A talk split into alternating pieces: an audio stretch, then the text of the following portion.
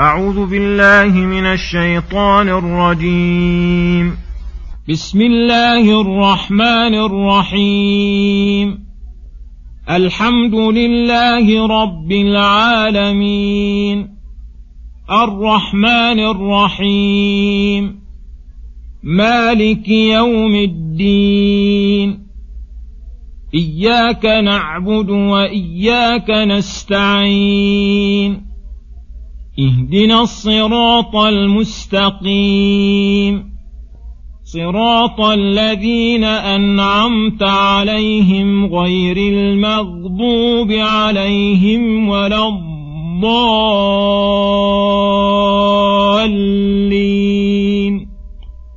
بسم الله الرحمن الرحيم.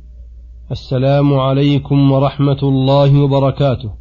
يقول الله سبحانه الحمد لله رب العالمين الرحمن الرحيم مالك يوم الدين الآيات. بسم الله أي أبتدئ بكل اسم لله تعالى لأن لفظ اسم مفرد مضاف فيعم جميع الأسماء الحسنى. الله هو المألوه المعبود المستحق لإفراده بالعبادة لما اتصف به من صفات الألوهية وهي صفات الكمال. الرحمن الرحيم اسمان دالان على أنه تعالى ذو الرحمة الواسعة العظيمة التي وسعت كل شيء وعمت كل حي وكتبها للمتقين المتبعين لأنبيائه ورسله. فهؤلاء لهم الرحمة المطلقة ومن عداهم فله نصيب منها. واعلم أن من القواعد المتفق عليها بين سلف الأمة وأئمتها الإيمان بأسماء الله وصفاته وأحكام الصفات. فيؤمنون مثلا بأنه رحمن رحيم ذو الرحمة التي اتصف بها المتعلقة بالمرحوم. فالنعم كلها فالنعم كلها أثر من آثار رحمته. وهكذا في سائر الأسماء يقال في العليم إنه عليم ذو علم يعلم به كل, كل شيء قدير ذو قدرة يقدر على كل شيء. الحمد لله هو الثناء على الله بصفات الكمال وبأفعاله الدائرة بين الفضل والعدل فله الحمد الكامل بجميع الوجوه.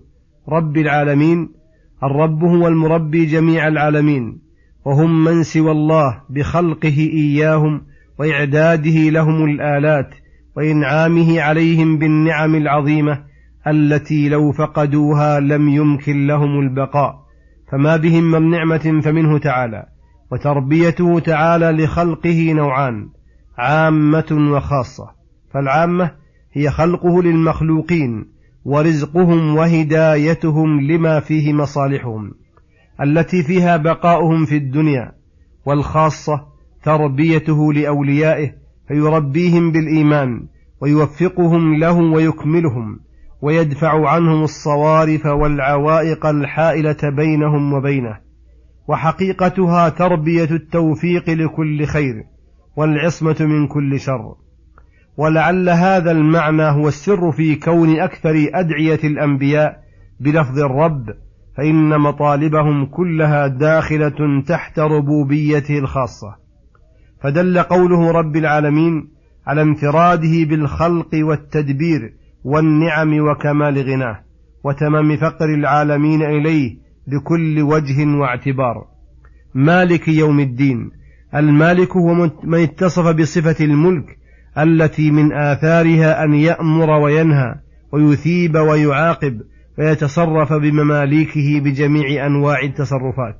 وأصناف الملك ليوم الدين وهو يوم القيامة يوم يدان الناس فيه بأعمالهم خيرها وشرها لأن في ذلك اليوم يظهر للخلق تمام الظهور كمال ملكه وعدله وحكمته وانقطاع أملاك الخلائق حتى إنه يستوي في ذلك اليوم الملوك والرعايا كلهم مذعنون لعظمته خاضعون لعزته منتظرون لمجازاته راجون ثوابه خائفون من عقابه فلذلك خصه بالذكر وإلا فهو المالك ليوم الدين وغيره من الأيام. وقوله إياك نعبد وإياك نستعين أي نخصك وحدك بالعبادة والاستعانة لأن تقديم المعمول يفيد الحصر وهو إثبات الحكم للمذكور ونفيه عما عداه. فكأنه يقول نعبدك ولا نعبد غيرك ونستعين بك ولا نستعين بغيرك وتقديم العبادة على الاستعانة من باب تقديم العام على الخاص واهتماما بتقديم حقه تعالى على حق عبده. والعبادة اسم جامع لما يحبه الله ويرضاه من الأعمال والأقوال الظاهرة والباطنة. والاستعانة هي الاعتماد على الله تعالى في جلب المنافع ودفع المضار مع الثقة به في تحصيل ذلك. والقيام بعبادة الله والاستعانه بهما, بهما هو الوسيلة للسعادة الأبدية والنجاة من جميع الشرور فلا سبيل إلى النجاة إلا بالقيام بهما إنما تكون العبادة عبادة إذا كانت مأخوذة عن رسول الله صلى الله عليه وسلم. مقصودا بها وجه الله فبهذين الأمرين تكون عبادة وذكر الاستعانة بعد العبادة مع دخولها فيها لاحتياج العبد في جميع عباداته إلى الاستعانة بالله تعالى فإنه إن لم يعنه الله لم يحصل له ما يريده من فعل الأوامر واجتناب النواهي. ثم قال تعالى اهدنا الصراط المستقيم أي دلنا وأرشدنا ووفقنا إلى الصراط المستقيم وهو الطريق الواضح الموصل إلى الله وإلى جنته وهو معرفة الحق والعمل به. فاهدنا إلى الصراط واهدنا في الصراط. فالهداية إلى الصراط لزوم دين الإسلام وترك ما سواه من الأديان.